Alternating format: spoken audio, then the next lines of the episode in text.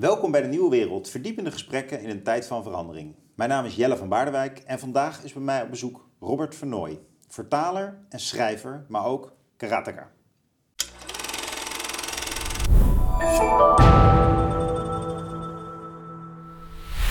Zeg ik dat goed, karateka? Ja hoor, klinkt heel aannemelijk. Jij bent uh, een, een, uh, een, een, schrijver, een vertaler, maar uh, je bent ook dus bezig met karate. En dit is eigenlijk een karateboek. Of een boek over vechtkunst, waar, de, waar het plezier om lichamelijk bezig te zijn en na te denken over wat een ritueel gevecht is, eigenlijk van iedere pagina afspat.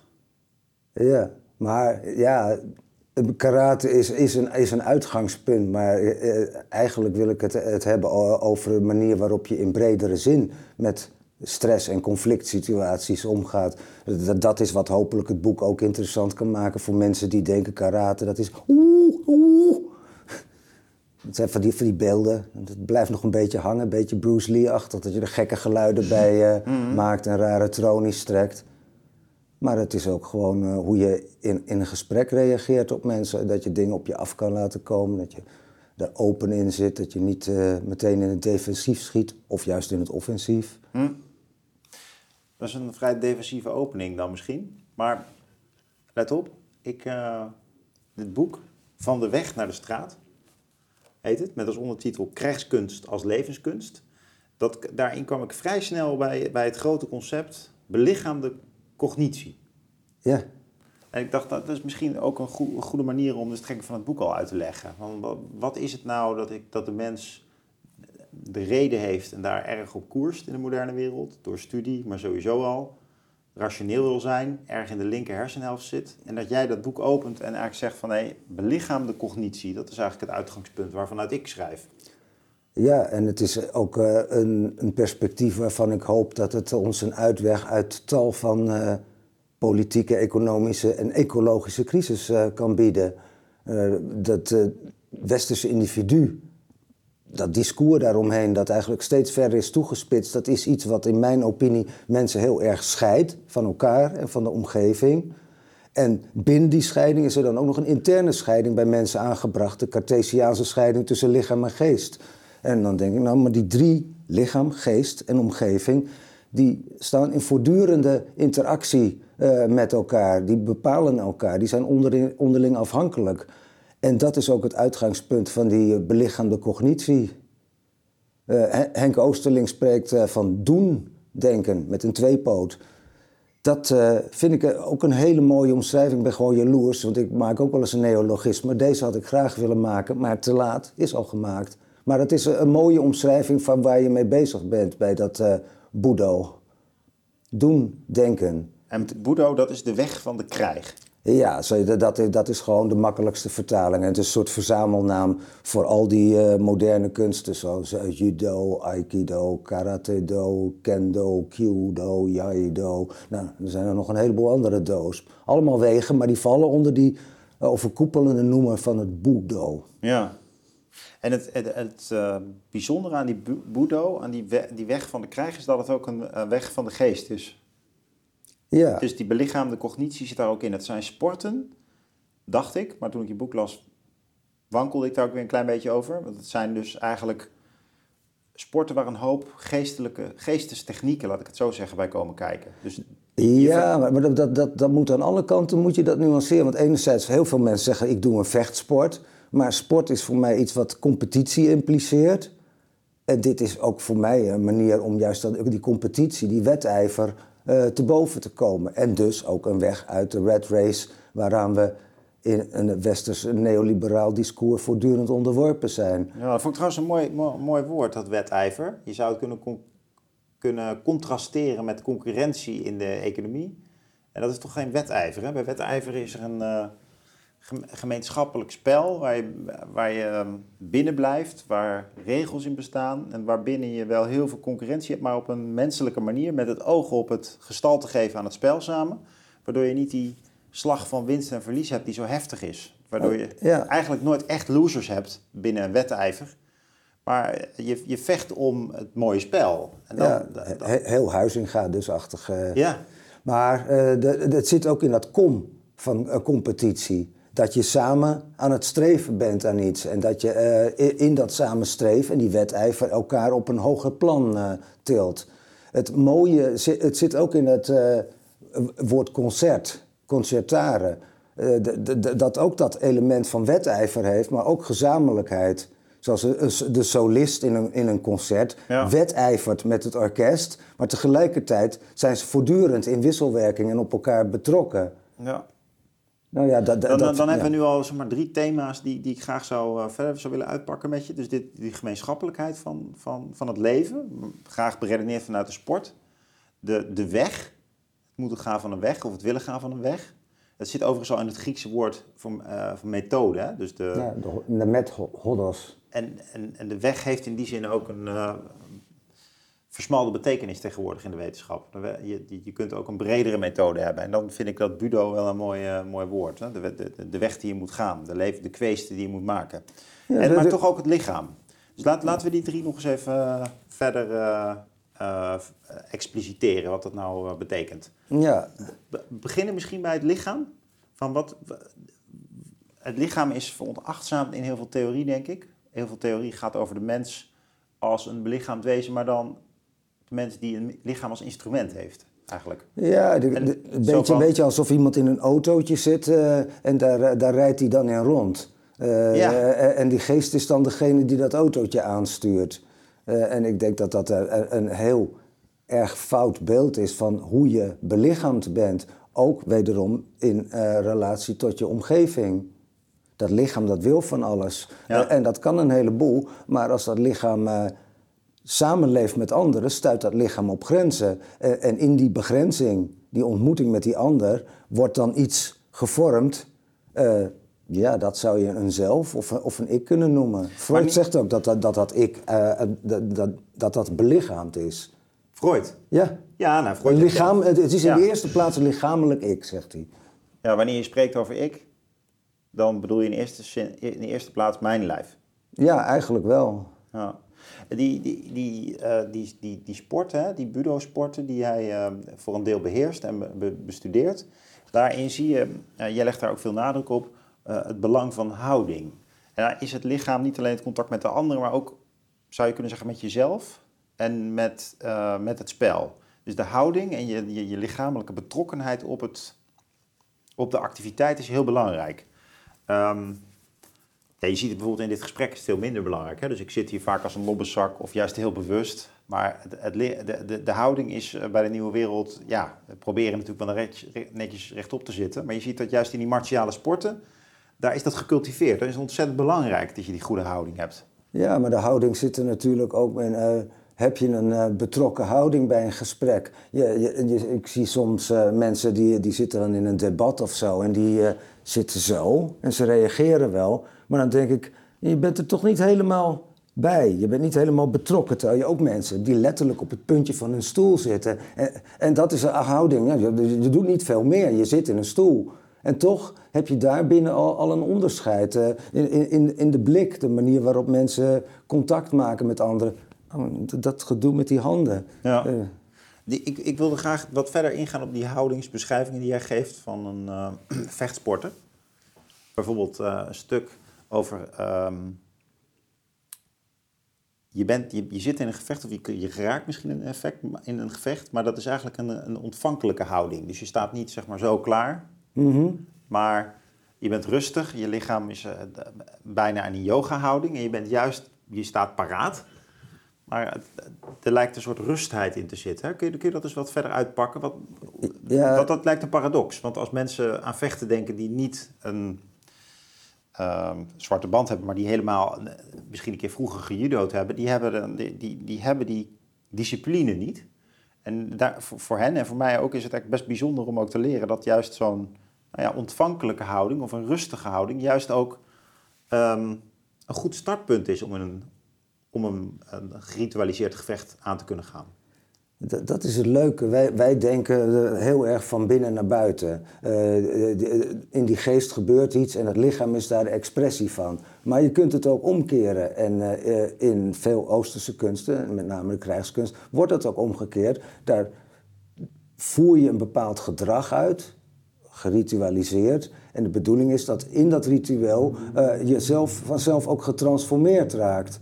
Ik geef ergens het voorbeeld van uh, de lachtherapie, de Hasya yoga. Uh, dat als je lacht, ook als er niets te lachen valt, dat je vanzelf vrolijker wordt. Dus het is een feedback. jouw fysieke houding heeft effect op je geest en je geest heeft effect op dat lichaam. En eigenlijk is het een onscheidbare eenheid daardoor. Het is één systeem. Ja. En, en, dat vind ik interessant, dat het naar binnen gaat. Want ja, eh, in principe, eh, als je op straat eh, door, door een horde mensen, mensen wordt besprongen, dan ook, ook gevorderde budoka, die hebben niet zoiets van. Hmm, ik laat het allemaal maar eens op me afkomen. Daar, daar komen allemaal hormonen vrij. Maar je traint wel voor dat soort momenten. En uh, probeert daar steeds meer uh, die rust in te vinden door telkens weer dat rituele rollenspel uh, te spelen. Het is een rollenspel. Hmm. En, en, en toneelstukje is ook heel simpel.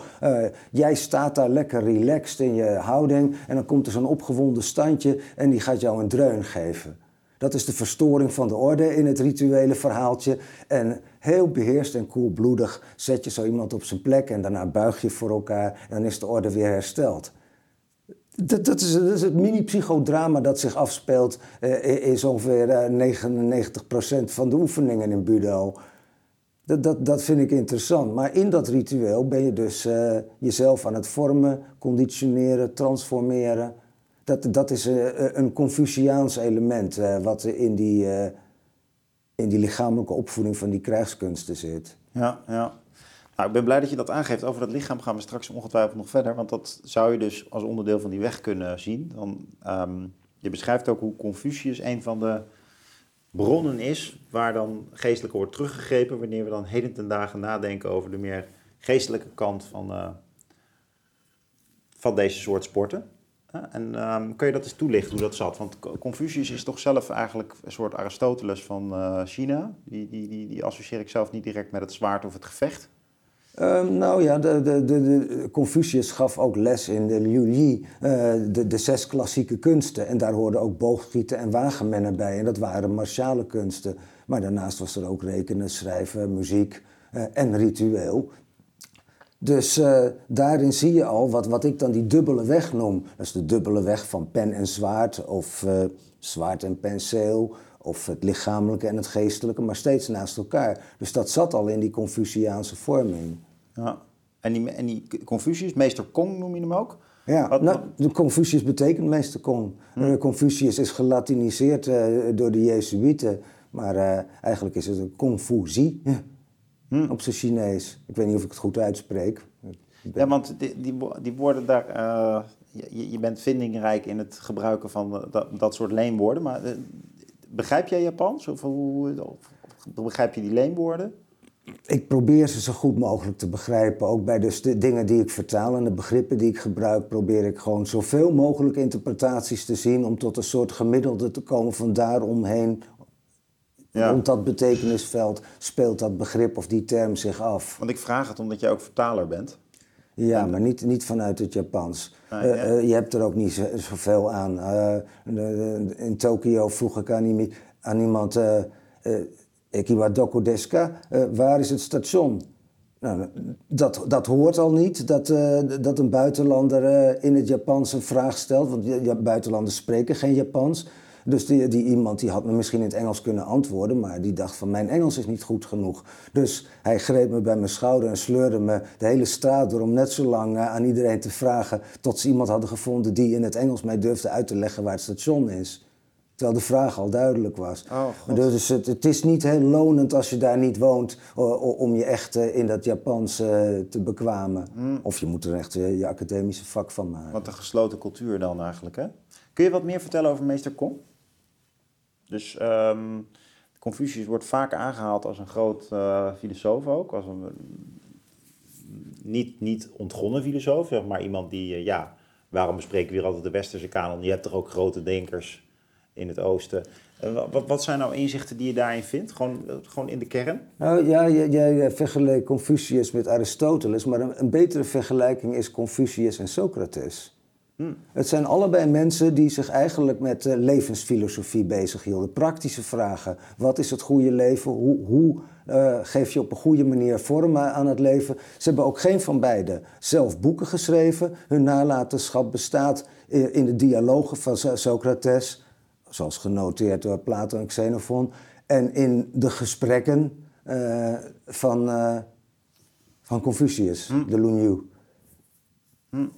Dus, dat, dat is interessant. Ja. beide mensen die gewoon uh, bestonden uh, in interactie met een omgeving. Ja. En, en, niet bezig waren uh, met het uitwerken van een wijsgerig systeem of stelsel. Dat is überhaupt niet zo in de Oosterse filosofie. Hmm. Dan moet je bij mensen als Kant zijn of zo. Die, die, die, die zijn er heel erg goed in. Hmm.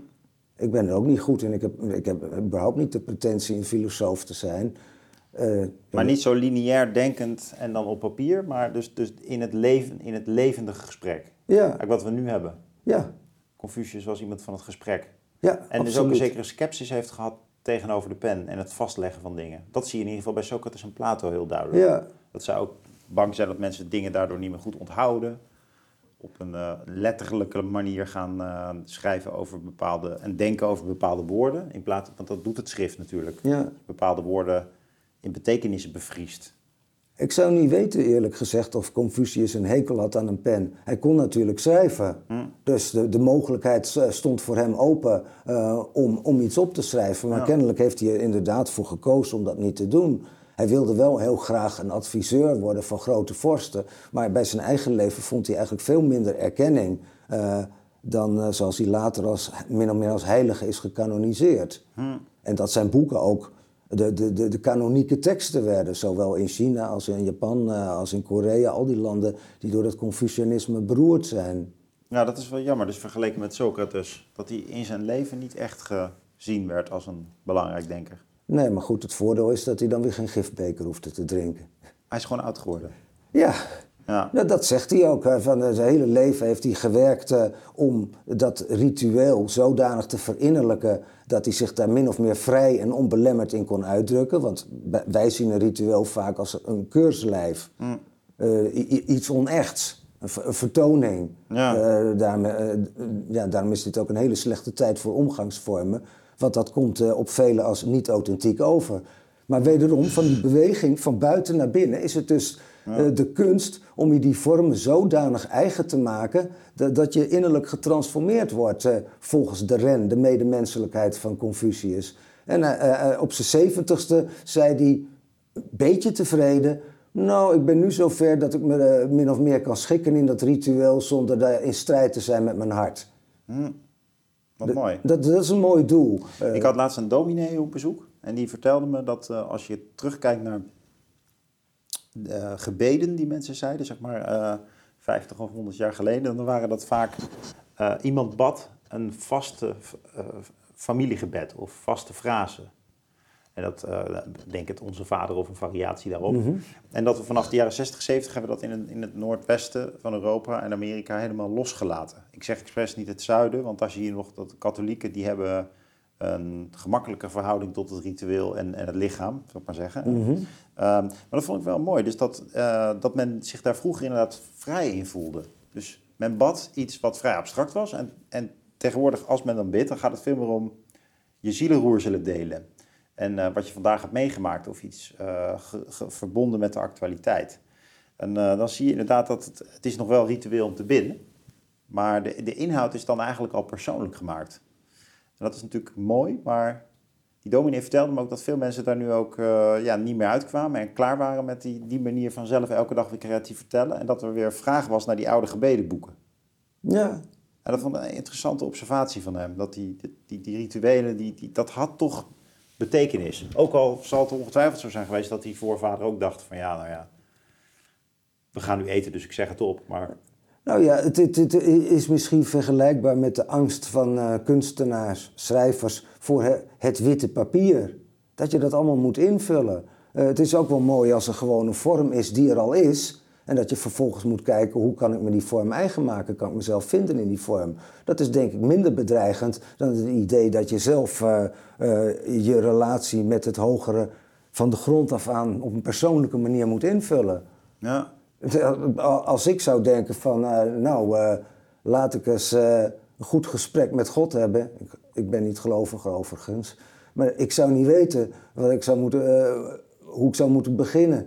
Hé hey, joh, Nee, ja. dat gaat niet worden. Maar als jij dus in een modus wil komen, in een mindset van geconcentreerd vechten, dan weet je wel wat je moet doen. Aan rituelen, aan... Ja, intussen, maar uh, ik, ik merkte afgelopen zondag bij de presentatie van het boek dat ik uh, duidelijk het eind van de weg nog niet heb bereikt. Ik had het ook een beetje lastig voor mezelf gemaakt. Ik had van tevoren met wat trainingsmaatjes gezegd van... Uh, ja, ik wil ook wel een, een kata, zo'n vaste vorm, zo'n solo-vorm laten zien. Maar wat zal ik dan doen? Ze nou, dan moet je iets doen wat je best kan. Toen dacht ik, ja, oké, maar dan wordt het weer zo'n gelikt toneelstukje. Terwijl het juist bij die levenskunst uh, erom gaat. Hoe ga je om met spanningen, stress, conflicten? Dus heb ik iets gekozen met, met allerlei mogelijkheden die fout konden gaan en eh, eh, een volle zaal met ook veel hoge gradueerden. Extra stress erop. En verdomd, ik zie allemaal fouten weer naar boven komen waarvan ik dacht, die had ik eruit getraind. Dus dat is een leermoment. Ik zag het behalve als een uh, training ook als, als een demonstratie, ook als, als een leermoment, een persoonlijk moment. Ik was gewoon benieuwd wat er zou gebeuren, waar ik zou staan ten aanzien van die stress. Ja, ja. Nou, viel me niet mee. De mensen vonden het mooi hoor. Uh, nou ja. Uh, ja, misschien zeggen ze dat alleen om een veer in mijn reet te steken omdat ze het zo zielig vinden. Dat kan allemaal. Nou, ik, dat, is, dat weet ik niet. Jij kijkt misschien ook als expert naar jezelf. Maar het doet me ook denken aan een stuk in je, in je, in je boek waar ik wel ja, een beetje van schrok zelfs. Dat jij over jezelf schrijft op deze manier. Uh, ik ben niet meer dan een samenloop van omstandigheden, een plaats waar het leven doorheen stroomt. Sinds ik door de bodem van mijn bestaan ben gezakt, kan ik mijzelf niet meer serieus nemen. En uh, aan de ene kant doet me natuurlijk heel erg denken ook aan zo'n uh, zenmeester of aan een uh, vechtmonnik die, die, die helemaal door die rituelen leeft. En ook in staat is om dus een sociale functie te zijn en een rituele werkelijkheid. Maar zeker als Nederlander in 2022, is het toch altijd nog wat gevoel van dat jij, dat jij dat doet, dat jij dat mm. bent. Hoe kun je daar eens op reflecteren waarom je zo'n relativistisch zelfbeeld uit de doeken doet aan het eind van je boek?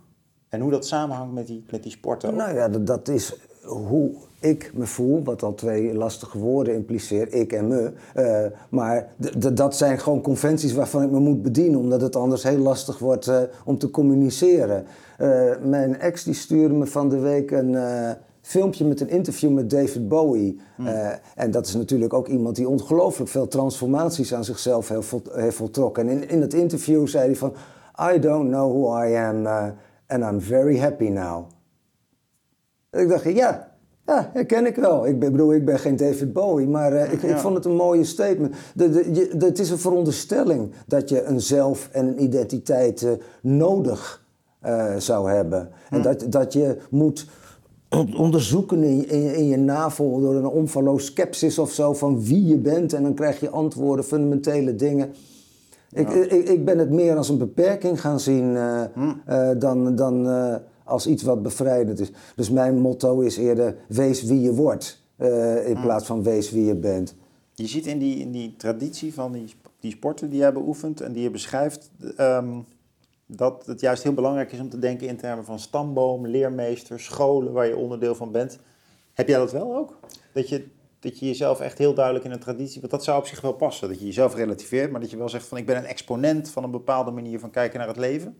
Of gaat het dan ook weer niet zo ver? Ja, maar ook, ook dat is dan weer dat, dat uh, vaak de nadruk erger wordt gelegd op die scholen. En uh, het Japanse woord ryu wordt vaak vertaald ook als school of stijl. Maar ryu heeft zoiets als Rio in het Spaans. Het is een stroming. Het, het is iets wat door de tijd stroomt. En wat zich voortdurend aanpast aan de wisselende tijdruimtelijke omstandigheden. Hm. En dat is mooi. Dus een heleboel mensen die zich fixeren op de traditie, zien niet die veranderlijkheid. En als die veranderlijkheid ophoudt, dan houdt de traditie ook op een levende traditie te zijn. Dan wordt het een fossiel. Echt, echt een doodsritueel. Ja, je hebt altijd een vorm van conserveren nodig en vooruitgang. Ja, ja dat is het spanningsveld. En, en, en dat, dat zie je in alles, dus ook in deze dingen. Dan zie je in onze huidige wereld wel erg veel mensen die de innovatie omarmen en het behouden moeilijk vinden. Ja, en uh, dat, dat is wel interessant, dat, dat mensen juist conserveren ingewikkeld vinden. En, en, en veranderen, en dat, dat, wordt, dat wordt wel geaccepteerd. Ja, maar dat, maar dat nieuwe is... vormen van onderwijs, nieuwe vormen van pedagogiek, nieuwe bedrijven, nieuwe producten. Dat, dat, dat, dat lijken mensen wel te willen. Maar het behouden van dingen? Ik vraag me af of, of de mensen dat willen of dat de markt dat wil. Ik bedoel, ieder jaar komen er natuurlijk weer... Uh, uh, Nieuwe collecties. Een, een, heel nieuw blik pedagogen van de academie af. Ja, en, en, het is hun taak om onderwijssystemen te ontwikkelen. Dus ze kunnen niet zeggen van nou wat er is is prima. Dus dan komt er maar weer een, nieuwe opvatting op het onderwijs. Het is in het belang eigenlijk van de onderwijskundigen dat er ook verandering is. Dan kunnen ze die weer implementeren. Ja, nou ja, goed. Dat, dat is heel erg marktgericht gedacht. Maar als, als ik kijk naar mensen zelf dan vind ik juist de meeste mensen heel erg conservatief. En mm. dat ze zich verzetten tegen, tegen verandering, dingen die anders zijn. Dat is vreemd, dat is eng. Mm. En het is misschien ook wel goed dat ze dat doen. Kun je eens wat eh, vertellen over meer een historische lijn rondom deze, eh, deze sporten en de geestelijke kant ervan? Vanuit het uh, samengaan van het idee van studeren en vechten. De studiemonnik en de vechtmonnik noem je het hier in een hoofdstuk over vechtmonniken als je er wat meer historisch naar kijkt, dan stel ik me dus zo voor, een klooster met, ehm, waar dus gebid wordt en gevochten door, vanuit dezelfde spirit.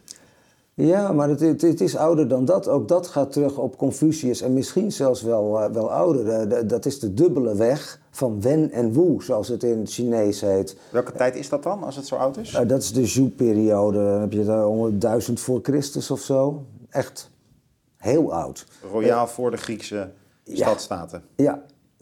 Uh, toen werd er in, in, in China al een, een staat, een georganiseerde staat opgezet. Hm. En daarvan wordt gezegd dat koning Wen regeerde met wijsheid en, en civiele vaardigheden, terwijl koning Wu reageerde met militaire macht. En het idee was dat beide vaardigheden, de dubbele weg van Wen en Wu, uh, dat dat eigenlijk de, de, ideale heerser maakte. Dus daar zit al in, want, want die wijsheid is natuurlijk het geestelijke aspect en militaire macht het lichamelijke aspect. En dat is een soort topos uh, geworden in die Oost-Aziatische culturen. Hmm. In het Japanse heet het Bunbu Ryodo, de dubbele weg van pen en van, van krijg en culturele, administratieve, civiele vaardigheden de dubbele weg van pen en zwaard wordt het vaak vertaald. Hm, en dat betekent dus dat de adel of de edele mensen die, die, die, die verfijnd in het maatschappelijk verkeerd waren en hoge posities hadden, dat die zich ook bekwaamden in vechtsporten? Nou ja, dat was inderdaad aanvankelijk uh, het hogere echelon uh, van, uh, van de, de samurai. En ja, zoals dat gaat met een Kasunkenes cultuurgoed, dat is geleidelijk naar beneden gekomen in steeds bredere lagen van de bevolking. En, en in, in Budo, eh, dat moderne Budo, is dat min of meer geïnstitutionaliseerd geraakt. Maar dan heb je het over een traditie die aan het begin van de vorige eeuw pas eigenlijk zich begon uit te kristalliseren. Hm.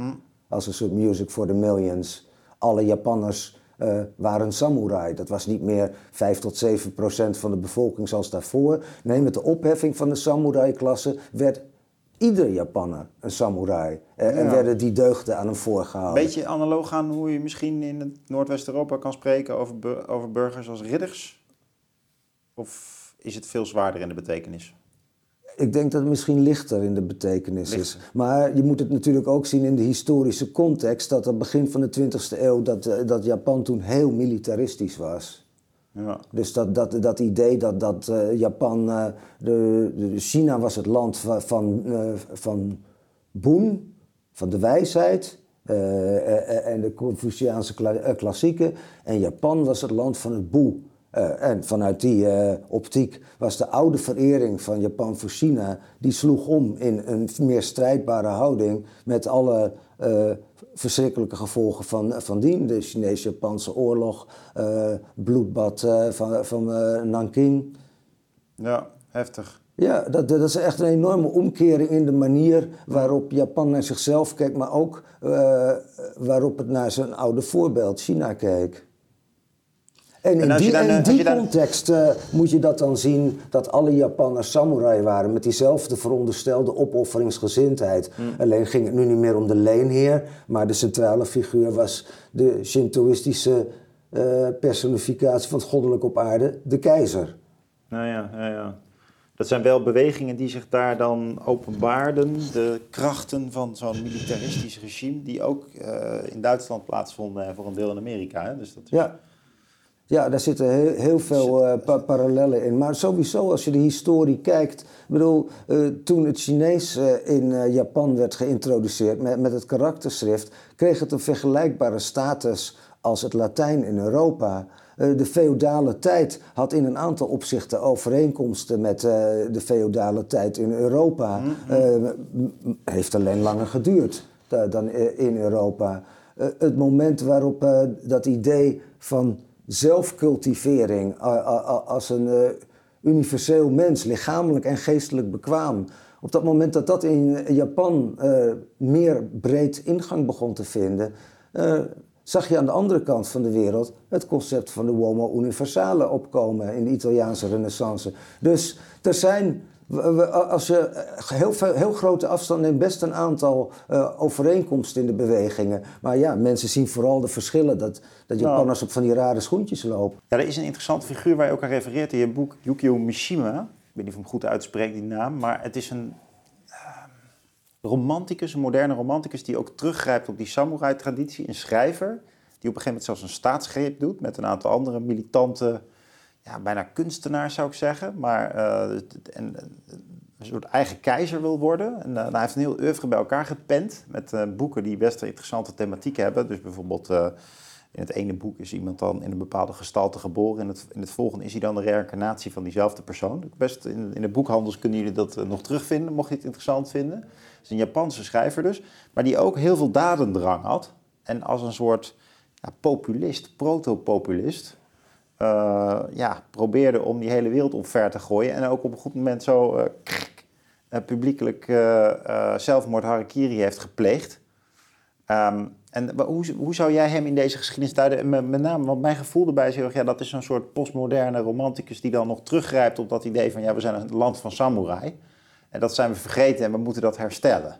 Nou ja, dat komt een heel eind in de richting. Die lichamelijk-geestelijke zelfcultivering van de samurai, dat was min of meer een conventie. eh, iets wat je verplicht was aan je stand. Maar dat was niet een individuele eh, zelfcultivering eh, of een individuele vormgeving. Dat is het verschil tussen dat soort ijdelheid bij samurai en de ijdelheid van een dandy in het Westen. Maar Mishima, de Japanners zeggen Mishima Yukio, die zeggen, zetten de achternaam daarvoor. Eh, De, Mishima was wel eh, een dandy. Eh, eh, eh, die past in, in, in de zwarte romantiek van Mario Press, de romantic agony. Eh, eh, hij had iets met, met masochisme, eh, heavy gay scene. eh, eh, bodybuilding, eh eh, en passant nog een, Nobelprijs eh, bij elkaar schrijven. Hij is als zodanig dus een hele extreme exponent van die dubbele weg van pen en zwaard. Die, die belichaamde hij. En, en dat legertje wat hij op de been had gebracht, dat waren allemaal eh, mooie, knappe jongens. Daar zit ook wel een, eh, net als in veel van zijn werken, een, een homoerotische ondertoon in. En hij dacht van, eh, ja, aan het eind van de Tweede Wereldoorlog was de keizer van zijn goddelijke status ontheven. Hij had het echt het idee, Japan heeft zichzelf door het slijk laten halen. Wij moeten terug naar de trotse traditie. En hij dacht dat hij eh, eh, dat met de staatsgreep kon bewerkstelligen. Alleen, ja, afgezien eh, van zijn billenmaatjes was daar niet zoveel enthousiasme voor. En toen hij zag dat het er niet in zat, toen heeft hij inderdaad heel klassiek seppuku gepleegd. Maar eigenlijk kan je, kan je zeggen, als je naar die levensloop kijkt, dat had bijna niet anders af kunnen lopen dan met seppuku. Ook als hij geen staatsgreep had gepleegd. Ik heb eens een keer echt een geweldige documentaire over de man gezien. Ik zal hem wel plaatsen onder de video's, dan kunnen jullie hem ook bekijken. Want dat is een wel markante, hele markante persoonlijkheid. Maar het klopt, zit inderdaad... Ja, vat, vatvol tegen Ja, combinatie van heel veel talent en eh, heel veel bluff. Ja, eh, ja eh, en, en, en heel veel in- innerlijke pijn, denk ik ook. Ja, ja. Ja, voor het, maar ook culturele pijn, het verlies van Japan. Ja. Maar goed, eh, vanuit het oogpunt van belichaamde cognitie staat dat dus allemaal niet los van elkaar. Het is één ding, één, één stukje mens, een stukje identiteit, dat je dan Mishima eh, noemt. Maar tegelijkertijd spreekt daar ook eh, een, een samenleving door en in die man. Ja, nou, het schijnt zo te zijn dat heel veel mannen nog tot op de dag van vandaag vallen voor die romantiek. Inclusief ook jezelf om, om zeep helpen. Ja, nou ja, goed, eh, daar... eh, Japanners hebben wel een eh, vreemd soort manier van vooruitlopen op de, op de moderne beschaving. Hè? De hyperindividualisme bijvoorbeeld. ja. Dus veel mensen die eenzaam zijn, die echt gericht zijn op hun leven in een eentje. Ja, ja, ja, de- ja, ik besef het ergens. Je hebt die, die, eh, die hikikomori. Ja. Dat, zijn, dat zijn die jongeren. En, en die schattingen lopen uiteen van honderdduizenden tot, tot, tot misschien wel miljoenen. Die zich opsluiten in een kamertje eh, met een computer. eh, en daar eigenlijk jaren, maanden of jaren niet meer uitkomen. En als ze dan naar een restaurant gaan, dan zijn er speciale restaurants waar ze dan alleen kunnen eten. Waar Ja. andere mensen ook alleen komen. Ja. Dus de, de, daar is een soort collectiviteit weggesloopt. Dit is... Ja, ja god, het, het lijkt een beetje op dat beeld. eh de, de, de- dat ga ik een steeds eh, mooier beeld vinden uit de film The Matrix. Dat al, al, al die mensen in die kokons liggen als batterijen die het systeem voeden. En intussen worden ze met digitale illusies onder controle gehouden. Ja. Nou ja, de, die, die hikikomori zijn daar natuurlijk een extreme vorm van. Maar al die thuiswerkers de afgelopen jaren eh, met hun sociale media de- had ik ook vaak het gevoel van... God, de Matrix is er al gewoon. Ja, ja, ja, je ziet dus dat het, dat het coronabeleid met lockdowns en social distancing... Een heel gekke term ook, hè? Dus het beleid van social distancing. Dan ben je dus beleidsmatig mensen uit elkaar aan het spelen. Ja, Bewust, jij- bewust aan het individualiseren. Maar in ieder geval die Yukio Mishima, om dat lijntje even af te maken... in zijn werk zit dus ook die spanning tussen moderniteit en traditie. En hij, hij verliest dus in die moderniteit het gevoel met de traditie... en hij probeert dat op een nostalgische manier dan te herstellen... en die symbiose weer te maken. En dat lukt hem niet, dus want het wordt eh, folkloristisch en het eh, militant... en het is, het is eigenlijk gewoon een homo-subcultuur. Maar, maar niettemin, die vraag... ik snap wel dat hij juist in Japan de vraag heeft gesteld: hoe kunnen we nou doorgaan met de moderniteit zonder die inbedding? En dat hij heel erg wees op van ja, je moet weer gaan sporten, je moet. Die, die, die, die budo, dat is, dat is een mogelijke landingsbaan van het moderne leven. ja. Maar dat is ook, ook een persoonlijke invulling van hem. Ik bedoel, de, ik, ik denk dat je, dat je in iedere samenleving die spanning ziet tussen moderniteit en traditie. Waar we het net ook al over hadden. Van ja, aan Ja. de ene kant heb je innovatie nodig, omdat er anders gewoon niets gebeurt. Ja, Je ontwikkelt een samenleving niet. En aan de andere kant ben je bang voor de vernieuwing, het andere. Wa- Wat zal dat betekenen voor je leven? Ja. Eh, discussie eh, eh, over, maar in godsnaam geen pepernoten, over Zwarte Piet is natuurlijk ook zo'n strijd tussen moderniteit en traditie. Die oude invulling van Zwarte Piet is niet van deze tijd. Mij maakt het sowieso niet uit. Voor mij mag de hele Sinterklaas op de brandstapel. Ik vind het een buitengewoon raar commercieel feest. Nou, dat vind ik, dat, ja, dat snap ik niet helemaal dat je dat zegt. Kijk, commercie is niet vies. Ehm, het is een feest dat van oudsher juist dus eh, met suiker en eh, consumptie eh, verbonden wordt in Nederland. Dus al decennia, laat ik het zo zeggen. En ehm, het is misschien te plat geworden soms, maar er zijn ook andere kanten. Bijvoorbeeld gewoonte om gedichten te schrijven. En om intochten te houden die helemaal niet commercieel zijn. Volgens mij gaat het daarin. Dat is, een, dat is een, een balans die je moet weten te houden. En ik denk dat heel veel gezinnen dat goed kunnen. Het is bovendien ook een feest van families. Hè, eh, dus je, je doet het met eh, de kinderen samen. Het is een gezinsfeest. Dus dat zijn allemaal elementen, vind ik, die wel echt heel sterk zijn daaraan. Ja, de- En die, en die maken dat het ook niet een modern of vies of commercieel iets is. Dat, die, dat zit erop, maar dat is niet de kern. Dat is inderdaad niet de kern. Maar ik, ik mis ook wel dat, dat aspect van eh, de zielenweging. Het grote boek van Sinterklaas Nou, dat is- eh, eh, ja. en de roe. Ja. Eh, de, de- bedoel, tegenwoordig mo- moet het alleen, alleen maar feest zijn. En dat vond ik ook wel mooi. Dat er toch ook een soort disciplinerend element bij zat. Dat je bij Sinterklaas op zijn knie mocht zitten. En dat Ja. hij dan in het grote boek zag wat je allemaal voor wandaden had gehad. Ja. En dan kreeg je een, een lichte tik met de roe op je billen of zo. Van, Dat vind ik wel een, een mooi, aspect van de traditie. En dat ik dan denk, van dat mis ik dan wel. Ja, jij zou het graag wat strenger willen hebben, snap ik ook wel hoor. Nou, ik verbind het zelf ook wel aan de... Niet, niet, streng in de zin van zware fysieke tuchtiging, maar dat er ook wel die schaduwzijde Ja, die in, in zo'n feest zit, dat die, dat die voor het voetlicht komt. Ja, ja. ja, ik associeer het zelf ook echt met de periode van de boogschutter en eh, de, de kosmos die dan eh, in de fase zit van de, van de weldadigheid. En dat is, is die, die, die periode van december, dat is een, een maand van goed doen, van cadeautjes, van, eh, van warmte. Mm. En dat is, eh, dat is, dat is ja, dat, dat- ik denk dat er meerdere symbolen zijn die daarop wijzen. En dat boek met die, eh, waar, je, waar je die zielenweging doet, zeg maar, dat zou wel juist met die, eh, ja, dat is misschien ook wel een beetje een vreemdkörper ook. Maar het past natuurlijk bij een tijd van positieve psychologie dat dat niet mag. Ja. En dat is gek. Ik, het, hele idee van je schoen zetten en bang zijn of je wel wat krijgt en dat je misschien zout in je schoen krijgt. Ja, dat is het, Ja, ja, het houdt mensen wakker. Dus ik, vind dat mij het wel zeker een charme heeft. Maar goed, eh, ja, het is in de jaren negentig al eh, volgens mij eh, eruit gekiept. ja, Dus dat, die, die strenge kant. Maar laten we het niet te lang over Sinterklaas hebben. Over ceremonie en rituelen nog een zin. Ik, vond het wel een, want ik vind dat een interessant fenomeen. Wat is nou een ritueel? Je hebt al gestipuleerd van ja, het is eigenlijk een manier van samen of met je lichaam bezig zijn die jou van buiten naar binnen richt. Dus je doet iets op een gestandaardiseerde manier, verkeerde woord misschien, een ritualiseerde manier. En dat betekent eigenlijk dat je, je gaat lachen en daardoor word je ook vrolijk van binnen. En je zegt hier, een Japanse theeceremonie wordt ook niet uitgevoerd omdat de theemeester dorst heeft. ja, dat is een citaat van eh, David Lowry, maar ik vond hem wel mooi. En dat dat leek me een. ehm, de, het verwijst daarmee naar de doelloosheid eigenlijk van, van rituelen. Van de- ja, dat is. En dat is natuurlijk het lastige aan een pragmatische cultuur. Dat, ja, dan, dan blijft er niks overeind wat niet een expliciet doel heeft. Dus dat is ook het mooie ook aan Sinterklaas. Of aan, ja, je kan wel zeggen het heeft als doel dat het gezin bij elkaar is. Maar laten we Sinterklaas er maar niet bij halen. Maar de the- theeceremonie, ik kan me voorstellen dat die ook op een gegeven moment afgeschaft wordt. Maar in Nederland heb je dat ook wel. Bijvoorbeeld kuppensoep is een voorbeeldje. Of vier uur kuppensoep. Dat is een commercieel ja. ritueel. Maar je hebt ook wel kleinere. Bijvoorbeeld even met z'n allen een kopje thee drinken. Als de kinderen uit school komen. Of s'avonds met elkaar aan tafel eten in plaats van voor de televisie.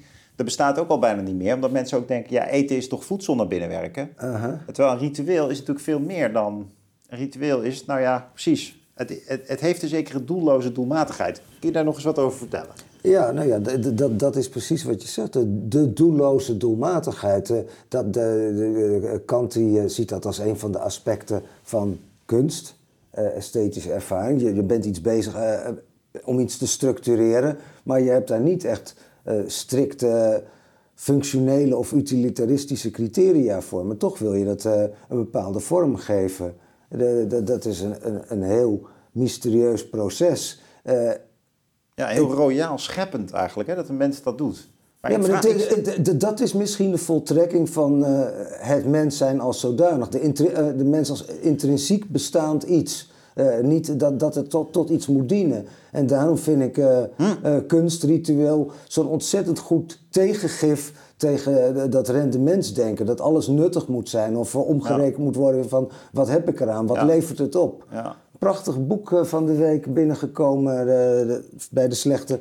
Het nut van het nutteloze van Nuccio Ardine. Eh, dat is echt een heel manifest voor de waarde van kunst. Juist omdat het nutteloos is. Ik bedoel, er wordt nu op bezuinigd omdat je daar niet een direct rendement aan kan verbinden. ja, tenzij je inclusief bent en antiracist, hè, want dan, eh, dan kan het weer wel. Het heeft als nut dat het dan activistisch wordt. Ja, maar ja, dat, dat, dat is ook eh, een heel plat eh, vertoog van moralistische kunst, dat die beter zou zijn. Ja, dat, dat is een, heel andere discussie. Daar wil ik nog best eens over praten, maar dat, dat gaat veel verder. Ik heb Ja. er ook wel over geschreven. En, Nou, ook in dit boek. over Ja, Nou, nou niet ja, over moralistische kunst, maar wel over moralisme. Maar ik, ik, ik haal het aan omdat er dus, ja, eh, wat- het leuke aan je boek vond ik ook dat het, het besef erin van het belang van rituelen. Dus die omwelt, dat samenspel van, de, van, jou, van jouw lichamelijke houding, je geesteshouding met, met de wereld waarin je verkeert, dat je dat dus kunt cultiveren met rituelen. En dat we zeker in Nederland ook een soort ja, rituele armoede hebben eigenlijk. Hè? We zijn bijvoorbeeld afstuderen, hè? neem nou afstuderen. Ja, hoe kun je dat nou nog ritualiseren? Nou, bijvoorbeeld met een verdediging en een scriptie. En je ziet dat eigenlijk langzaam worden die dingen afgeschaft. Dus mensen worden gewoon... Ja, studeren is gewoon je haalt je laatste punten. En dat is eigenlijk heel gek als je dat vergelijkt met karate of met die martiale sporten, waar zoveel franje omheen zit, die eigenlijk, ja, franje is het verkeerde woord al. Want dan kun je het inderdaad net zo goed niet doen. Dan is het zo van, wat stel je Ja. aan? Maar waar, waar jij het nu over hebt, dat zijn de traditionele rituelen. En die, en die liggen onder vuur. Maar tegelijkertijd ontstaan er in elke samenleving op ieder moment nieuwe rituelen. Vaste omgangsvormen. Nou, waar we het over hadden eh, bene- beneden toen ik aankwam lopen. Hoe begroeten we elkaar? Geven we elkaar een hand? Dat is een beetje geproblematiseerd geraakt de afgelopen jaren. Dus eh, bijvoorbeeld een elleboog. Als, als we over een paar jaar dat nog doen eh, eh, en de, de epidemie is lang ge- vergeten, dan hebben we een ritueel en dan zijn we de functionele oorsprong van dat gebaar al lang vergeten. Net als met een heleboel rituelen. En op een gegeven moment zal er dan ongetwijfeld weer een dwarse figuur komen die zegt van, is dit geen onzin om elkaar zo te begroeten? Dus die, die theeceremonies in die zin toch ook wel een gek voorbeeld, want die, veel van die rituelen zou jij nu zeggen zijn toch functioneel ontstaan. Ik, ik denk dat, er, toch- dat, dat, er wel toch een doel aan. re- Ja, het, het, het is eh, zoiets als industriële vormgeving. Eh, het heeft wel een, een artistiek effect en het, is, het wordt als een kunst uitgevoerd. Maar tegelijkertijd denk ik dat de componenten allemaal weer, weer betekenissen hebben. eh, die vaak niet geconsumeerd worden. Susan Langer die spreekt over muziek als een unconsummated symbol. Dat vind ik een hele mooie omschrijving voor muziek. Het is een symbool, maar je kan het niet eh, consumeren in, in, in een expliciete zin. Eh, ze, ze, noemt het ook wel de morfologie van het gevoel. De- de- de- de- dat, dat, dat soort termen, daar, daar spe- speelt het zich in af. Maar dat heeft wel een bepaalde logica. Maar wat is Eh, nou je betekenis van consumeren? Want dat betekent natuurlijk van oudsher gewoon opvreten. Of- Nee, maar consumeren met, eh, met, met twee M'en. Dus het, Oh. het, het voltooid. Het is een onvoltooid symbool. Zo zou ik het dan eventjes eh, eh, willen vertalen. Hm. Onvoltooid in de zin van, jij, jij, jij luistert ernaar en brengt het nog tot... Ja, je, je, Je, kan- je, je, kan brengt het weer tot leven door het te luisteren. ja, je, je, je kan het niet afronden door een definitieve duiding of zo. Het is fundamenteel open. De betekenis is impliciet belichaamd. De eh, in kunst is de, eh, gaat het om belichaamde betekenis. En dat kan je expliciteren in, in woorden, maar dan draai je er altijd omheen. Dat Je kan geen beschrijving van een kunstwerk geven die gelijk is aan het kunstwerk zelf. Dat is onmogelijk. De enige manier om dat te doen is het kunstwerk eh, Ja. met, met zo'n 3D-printer nog een keer laten uitprinten. Dus dan kom je weer op de weg van het zwaard en de weg van de pen zijn wel echt twee... Dat zijn twee manieren van leven. Je kan de een niet in de andere vertalen. Nou ja, dat, kan- het, het kan soms eh, samenvallen in, in, in boek, activiteit. maar, maar, maar het doet er geen recht aan ten diepste. Nou ja, je, je, je, kunt, je kunt het. Benoemen blijft altijd extern. Eh, Dat, dat heb ik ook herhaaldelijk aangegeven. Het is de vinger die naar de maan wijst. Het is de maan niet, maar eh, eh, de Ja. vinger geeft je een indruk van in welke richting je het zou moeten zoeken als je die maan zou willen zien. Ja. Hier in verband, mee verband houden, je, je, je komt op een gegeven moment te spreken over manabu, imiteren. En dan zeg je van in het moderne Westen worden sinds het begin van de romantiek originaliteit, creativiteit en spontaniteit meer gewaardeerd. En ik moest hierbij denken ook aan die klassieke trits tussen eh, eh, eh, translatio, geloof ik. Dus dat is vertalen, imitatio en emulatio. Ja. Maar misschien nog even dat imiteren. Van, want aan de ene kant is het natuurlijk evident wat het is, hè, elkaar nadoen. Maar dat speelt in, in die sportwereld in ieder geval een heel belangrijke, wereld, eh, heel belangrijke rol van elkaar nadoen. Dus niet lezen en dat dan in de werkelijkheid omzetten, maar spiegelen. En wat, wat, wat zegt dat over de wereld waarin wij, de, de cognitieve alledaagse wereld waar wij zijn, zijn komen te leven? Waarin we eigenlijk, wordt er nou nog veel? Wordt er niet te weinig geïmiteerd eigenlijk? Eh, een inburgeringscursus is eigenlijk een cursus in imitatio. Eh, eh, naar school gaan. nou, in mijn optiek ga je niet naar school om er iets van te leren. Ik in ieder geval niet. Maar om gesocialiseerd te worden. Ook weer door middel van imitatio Ja, nou ja. binnen een peergroep en on- onder sturing eh, van eh, autoriteiten. Dus ja, ik, ik, ik- Heb je zo'n negatief beeld van school? Ja, ik heb meer het beeld van dat de docent die moet ook aanwezig zijn om jou te vertellen hoe eh, een bepaalde theorie in elkaar zit. Die docent doet dat uit de doeken. En daardoor eh, begrijp je, komt het binnen. En kan je het imiteren in je hoofd. Dan kan je, dan kan je het, ook, het verhaal ook vertellen aan een vriend. En dan denk je van, nee, ik begrijp het. Ja, dit is, dit is een heel persoonlijke opvatting. eh, eh, De, ik bedoel, eh, Ja. het- ik heb altijd uit, uit, mezelf geleerd, omdat ik gewoon nieuwsgierig ben en het leuk vind om iets nieuws te leren. Dus uh, ik had niet de stok uh, achter de deur nodig van een school. En aan de andere kant denk ik dat mensen die niet nieuwsgierig zijn, uh, ja, die, die, werken gewoon om hun examen te halen en hun puntjes te zetten. En daarna vergeten ze het weer. Ja. Omdat die kennis niet echt beantwoordt aan een behoefte die ze zelf hebben. Hoe lig jij eigenlijk met je, met je karatemeesters en zo? Gaat dat goed? Ben je makkelijk met zo'n meester in het accepteren van zijn autoriteit? Ik word daar eindelijk wat makkelijker in. Ik, uh... Je suggereert tussen de regels door wel eens dat je te veel vragen stelt op de vechtmat? Uh, ja, ik, ik, ik, stel vragen en als, als iemand zegt dat dat werkt zus en zo, dan ben ik altijd wel de eerste om te vragen van ja, maar is dat nou wel zo? Een voorbeeld, je, je hebt in de kata dat je een elleboogstoot zo geeft met je vuist verticaal. dan kijk ik en dan zie ik als ik mijn vuist draai dat mijn biceps gespannen worden. Dan heb ik meer spanning in mijn arm. Dan vraag ik aan een docent van, maar waarom doen we het dan niet zo? Als je op straat iemand uh, uh, een tik geeft met je elleboog, doe je dat ook horizontaal. Dan is je arm het meest ontspannen. Ja, dat is dan waarschijnlijk weer zo'n oefening om ook weer binnen een extra moeilijke situatie toch uh, de ontspanning te vinden. Ah, ja. Meer van kan ik er niet van maken. Maar de, bedoel, dat, de, ik stel dat soort vragen en eh, ja, ik ben ook gewoon een eigenwijs ventje. En uh, wat ik nu de afgelopen jaren probeer te leren is gewoon uh, uh, hi sensei te zeggen. Gewoon ja, oké, okay, gaan, gaan we mee aan de slag. Ja. Maar een groot verschil met andere dingen die we leren buiten sport is wel dat jullie toch met heel veel vaste formules werken. Dus bepaalde stappen er helemaal in krijgen. En dat corrigeren via dus het imiteren van iemand anders. En als je dat vergelijkt met hoe we op school leren, dan, dan, dan is die herhaling, de rituele herhaling, die is wel weg op school. Terwijl het in die vechtsport nog helemaal voor mijn gevoel intact is. Of ja, romantiseer nou, ja, ja, nou ja, dat, dat, is weer die Confuciaanse invloed. Uh, dat is uh, een, een drietrap systeem. Dat wordt omschreven als shu-hari. Uh, shu is volgen, imiteren. Ri is breken. Dat je in die vormen die je hebt geïmiteerd een beetje je eigen weg vindt. dit, als ik het net zo anders doe, dan tast ik de vorm niet wezenlijk aan, maar ik maak hem meer eigen volgens iets waar, waaraan ik een, een zinvolle persoonlijke invulling kan geven. En ri, dat is het uh, meesterschapsstadium. Dan heb je die vormen, dan is het geen imiteren meer, dan is het geen breken meer, dan sta je er zo ver boven dat je ze uh, onbewust bekwaam in kunt zetten om dat Maslow-beeld te, eh, te gebruiken. Mm-hmm. Je hoeft er niet meer over na te denken. Wat je doet is gewoon in overeenstemming met de principes van de weg. Maar dat, er zijn maar heel weinigen die dat uh, stadium bereiken. Dat is niet de zwarte band? Nee, nee, nee. Bij de zwarte band begint het pas.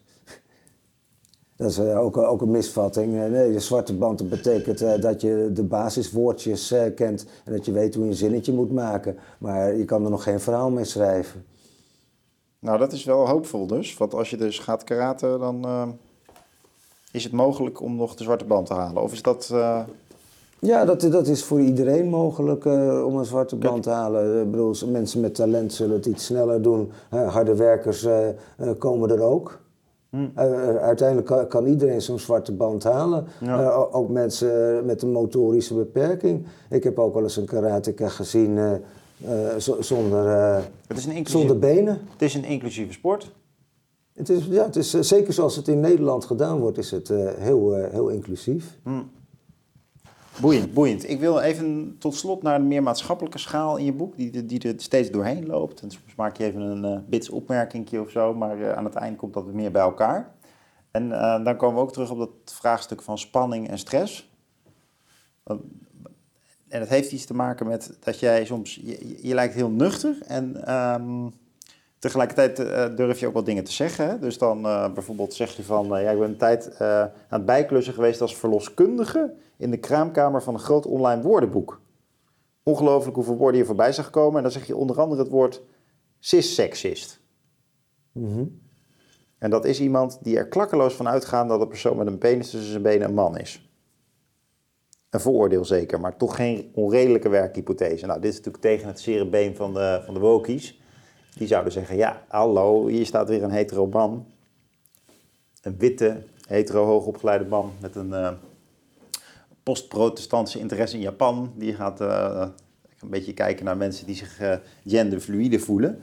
Um, dit, is een, dit is een groter debat. Hè? Dus je ziet dat, dat, dat, die taalgevoeligheid enorm aan het toenemen is. En dat er ook verwacht wordt dat wij straks bijvoorbeeld uh, in plaats van hij en zij ook nog hen gaan uh, hanteren. En jij maakt toch zo'n opmerking. Dat, dat, ik dacht, kun je eens toelichten vanuit jouw ontwikkelde methode, om maar zo te noemen. Hè? Dus jouw, jouw krijgskunstperspectief bedoel, het is wel degelijk een filosofieboek. Kunnen we wel doen alsof dat niet zo is. Maar het is eigenlijk een filosofie van, vanuit de krijgskunst. Mm Een maatschappijfilosofie ook. Hoe hangt dat nou samen? Dat jij zo'n soort kritische opmerking maakt of daarnaar kijkt van, vanuit die krijgskunst. Want ik kon dat nog niet helemaal bij elkaar brengen. Want ik ben het wel mee eens. Mhm. dat ik zou ook, als ik in die kraamkamer zou zitten, zo met, met, met terughoudendheid zo'n term noteren.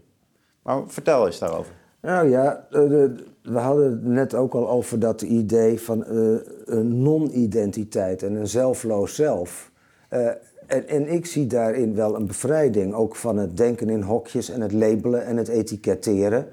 En ja, het, aan de ene kant worden genderfluïde mensen, de LHBTI-gemeenschap, wordt dus gediscrimineerd vanuit de etiketten. En, en als reactie daarop worden er meer en verfijnde etiketten gecreëerd. Dan, denk ik, dan, dan maak je dus steeds nauwere hokjes om jezelf in te zetten. Terwijl uh, ik eigenlijk zelf geneigd ben om in te zetten op meer algemeen menselijk respect voor iedereen. In plaats van uh, identiteiten cultiveren. Dus dat, dat, is, dat is de lijn.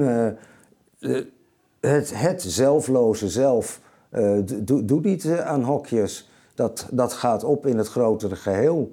Met respect en eerbied voor. voor uh, moest ik eruit halen? Nee, ik, uh, ik had in datzelfde stukje uh, ook gezegd van... Ik ben een vriend van al wat wipt. dat, dat, dat, is mijn, mijn ding, maar ja, zei van ja, het is toch al zo'n beladen stukje. Haal het er alsjeblieft uit. Dan... Oh, je had, een, je had een gevoeligheidslezer.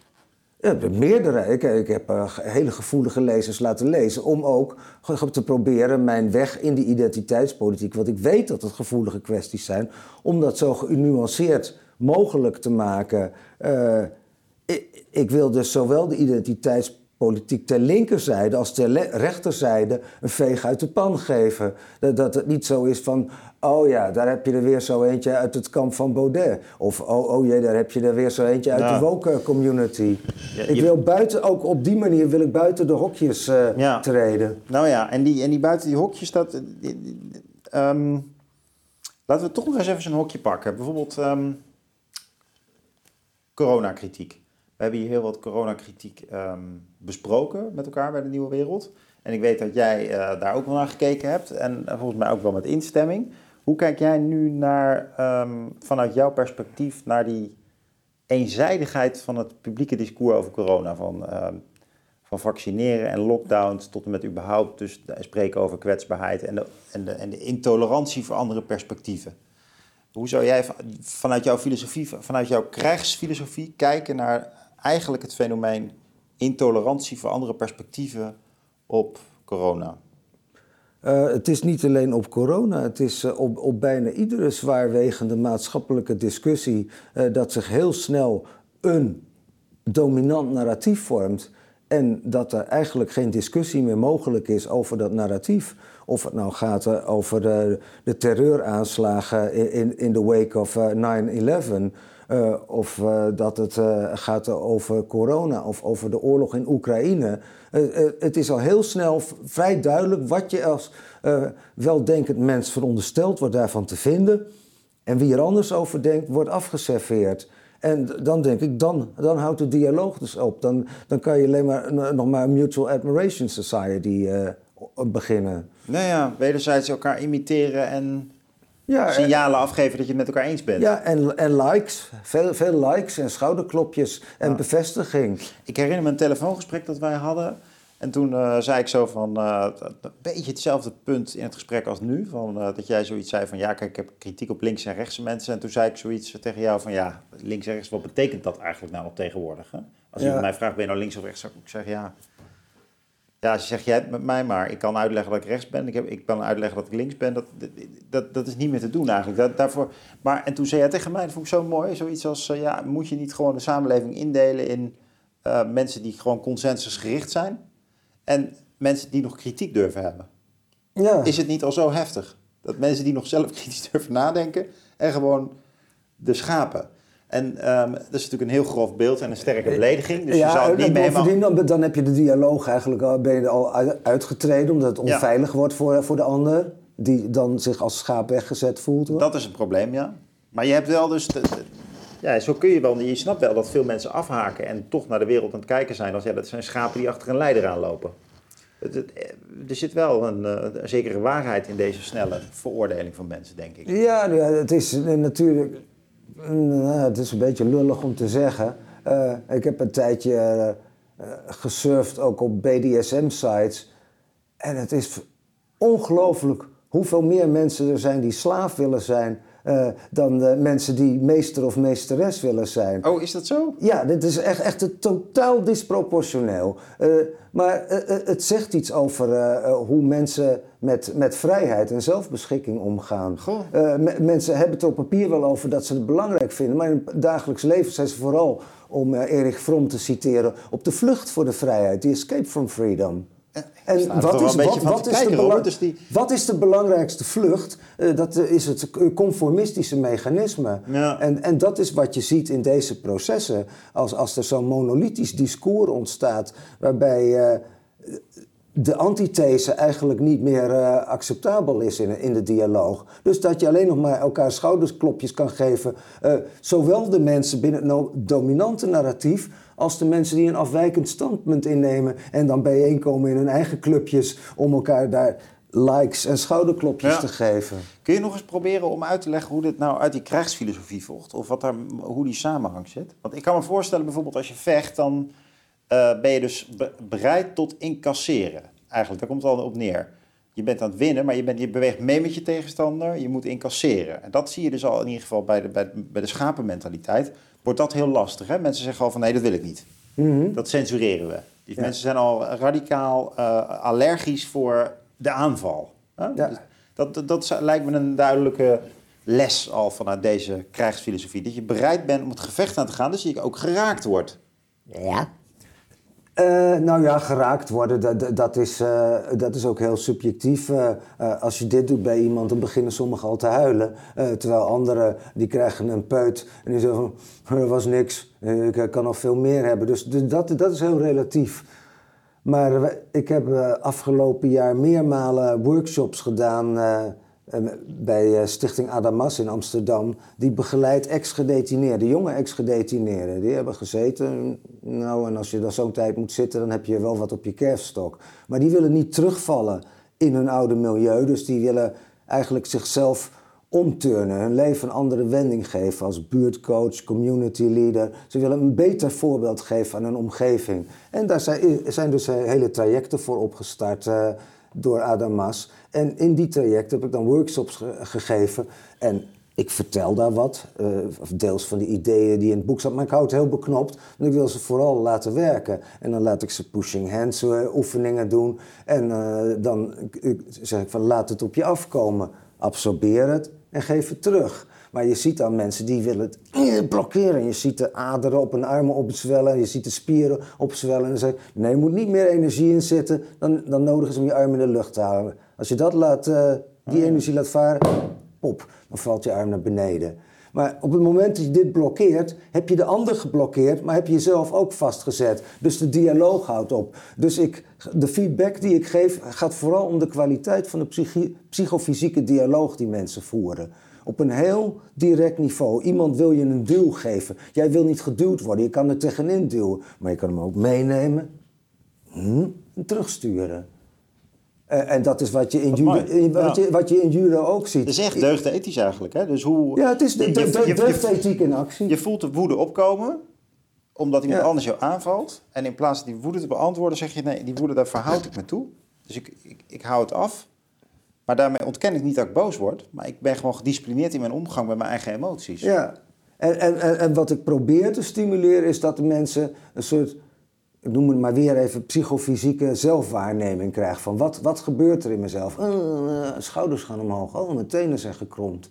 Uh, er is ook zo'n oefening, laat die mensen met hun voorste been tegen elkaar staan, heel diepe stand. Dan moeten ze proberen om elkaar uit evenwicht te brengen. Zonder geweld. Het is geen wedstrijd, zeg ik dan. Op een gegeven moment lukt het ze om daar geen wedstrijd van te maken. Dan zeg ik, uh, degene die nu uit balans wordt gebracht, die moet zichzelf voor straf vijf keer opdrukken.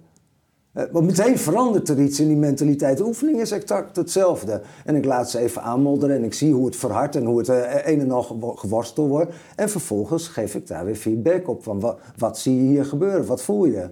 Ja. Dat, dat is hoe je die krijgskunst kunt vertalen naar het soort manier waarop je met conflicten om kunt gaan in het dagelijks leven. En nogmaals, uh, juist vanwege die criminele achtergrond hebben deze mensen natuurlijk vaak een hele conflictgerichte in plaats van conflictmijdende uh, houding in dit soort situaties. Dus als je je leven een andere draai wil geven, zul je in eerste instantie dat stukje zelf ja. moeten veranderen.